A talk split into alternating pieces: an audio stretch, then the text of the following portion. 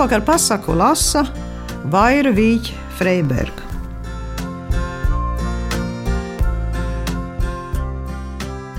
Pasakas manā mūžā ir spēlējuši ļoti lielu lomu, jo bērnībā tā man bija gandrīz vienīgā izklaidēšanās, un es uzmācos visiem pieaugušiem, lai lasa man pasakas priekšā. Un viņiem apnika. Un vienā dienā man Rīgas omām teica, mācies pati lasīt, tad tu varēsi lasīt pasakas, cik gribi. Beig beigās tā arī izdarīja, un no lielas abeces ar sarkanu gailu uz vāku, es caur īsajām tautas pasakām iemācījos lasīt. Bet īsti man palikušas prātā ir gan īsās pasakas, bet arī garās pasakas, un no tām divas grupas. Vienas par vēlnu dīvainā kārtā, un otrs par bārenītēm, un kas, starp citu, savā starpā dažreiz pārklājās. Lasīsim tagad pasaku par garo pupu. Man viņa ļoti iespaidoja, jo tur ir redzams, ka bērnīte var visu ko paveikt un izdarīt pareizi, un viņai varbūt nav tās priekšrocības un privilēģijas, kādas ir īstai meitai, bet ja viņa ir čakla, krietna un iejūtīga pret citiem, tad viņai dzīvē tas viss ļoti atmaksājās. Un tā kā pa mani kādreiz dzirdēju, ka mātes draudzenes teica, ah, nabaga bērnīte, viņa, viņa aug bez sava īstā tēva, un man tā šķita, ka tas mani tādu nožēlojamā situācijā nostāda. Turpretim pasakās, bērnīte bija varone, un šī bērnītes varonība tā man visu mūžu ir iedvesmojusi. Tā tad pasaka pa garo pupu.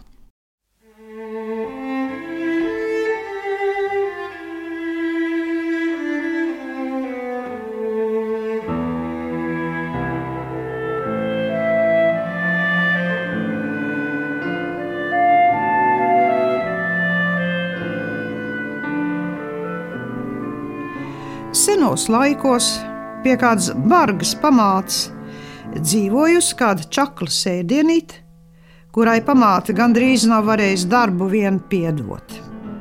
Lai tomēr izmācītu sēdienīti, tad pamāte kādu dienu tīšu prātu, iebērusi pupas pelnos un likusi sēdienītei tās izlasīt.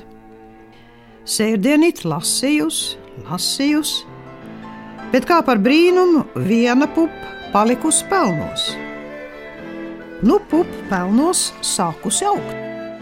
Augus, augus, līdz izaugus līdz pašām debesīm. Sēdienīte apdomājusies un sākusi kāpt pa pupu uz augšu, jo viņa debesīs domāja sastapt savu mirušo māmuliņu. Tā viņa kāpus, kāpus, līdz beig beigās arī nonākusi debesīs. Uzkāpusi debesīs, viņa ieraudzījusi kādu mazu mājiņu un gājusi iekšā.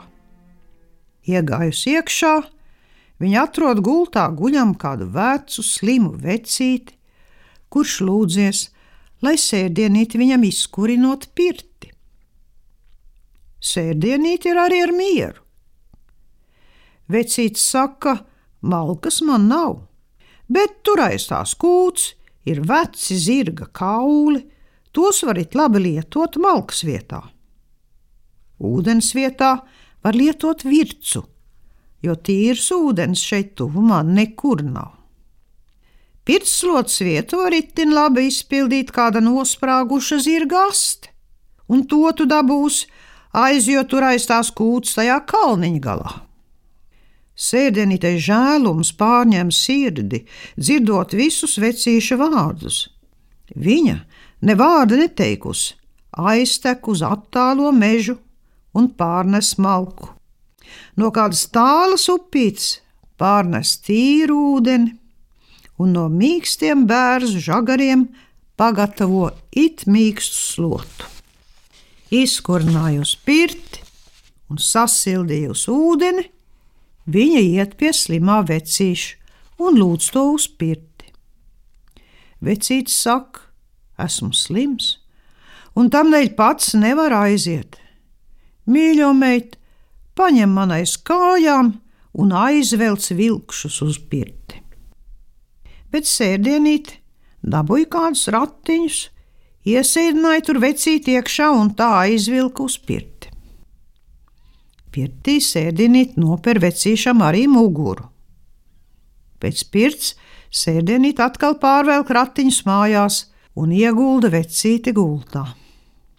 Pēc pirts vecīts saka: Mīļo meita, tu esi izdarījusi man lielu pakalpojumu.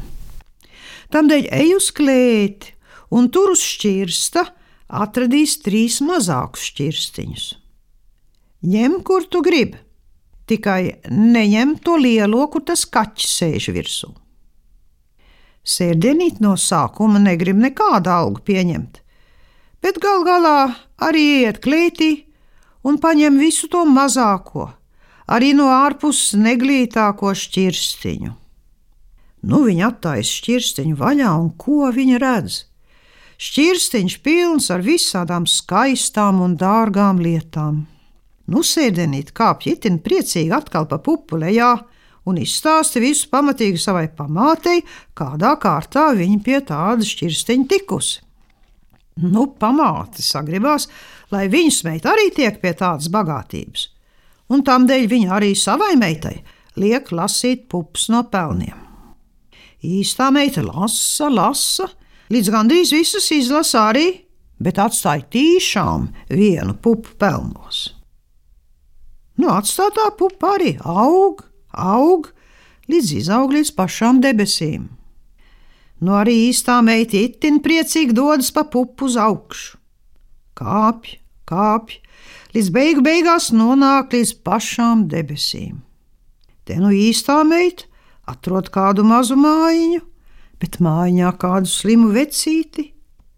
Vecītis ir žēl lūdzis, lai īstā meita izkurinot viņam pirti, jo viņš esot slims un tādēļ nevarot pats sev pirti izkurināt.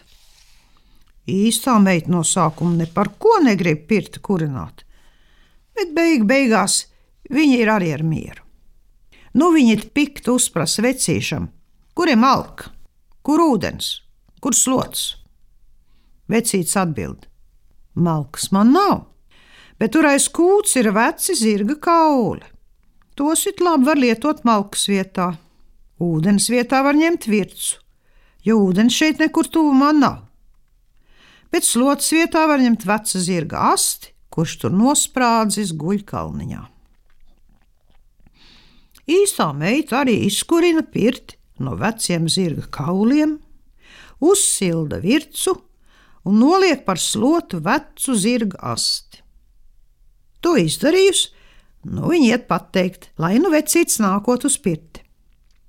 Bet vecīts saka, mīļā meita, es esmu slims, un tādēļ aizvelc mani uz pirti, jo manas vecās kājas vairs man neklausa. Īstā meita no arī paņem vecītais kājām, un kad tarkš vien velk vecītu uz pirti prom. Pirtī viņa arī nobērž vecīšam muguru, un pēc tam atkal aiz kājām aizvelk atpakaļ uz māju un iesviež gultā. Nu, vecīts saka meitai: Par savu pakalpojumu tu dabūsi algu. Ieej tur klētiņā, tur uz viena liela šķirsta atradīsies trīs mazāki šķirstiņi. Ņem, kur tu gribi. Tikai neņem to lielo šķirstu, uz kur kaķis sēž virsū. Nu, mātes meitīt priecīgi steidzas uz klēti, notrens kaķi un paņem lielo un skaisto šķirstiņu. Pēc tam viņa itin priecīgi kāpj atkal pa pupu lejā, un tā kā ir jau tumšs, tad viņš šķirstiņu pa nakts melnumu noglabā klētī. Otrā rītā nu visi iet raudzīt meitas lielo bagātību. Bet līdz ko paver durvis, tā izšaujas liela uguns liesma, un aprī reizē ir klēti, ir māja. Tā nu meita, daudz gribēdama, galu galā pazaudēja it visu.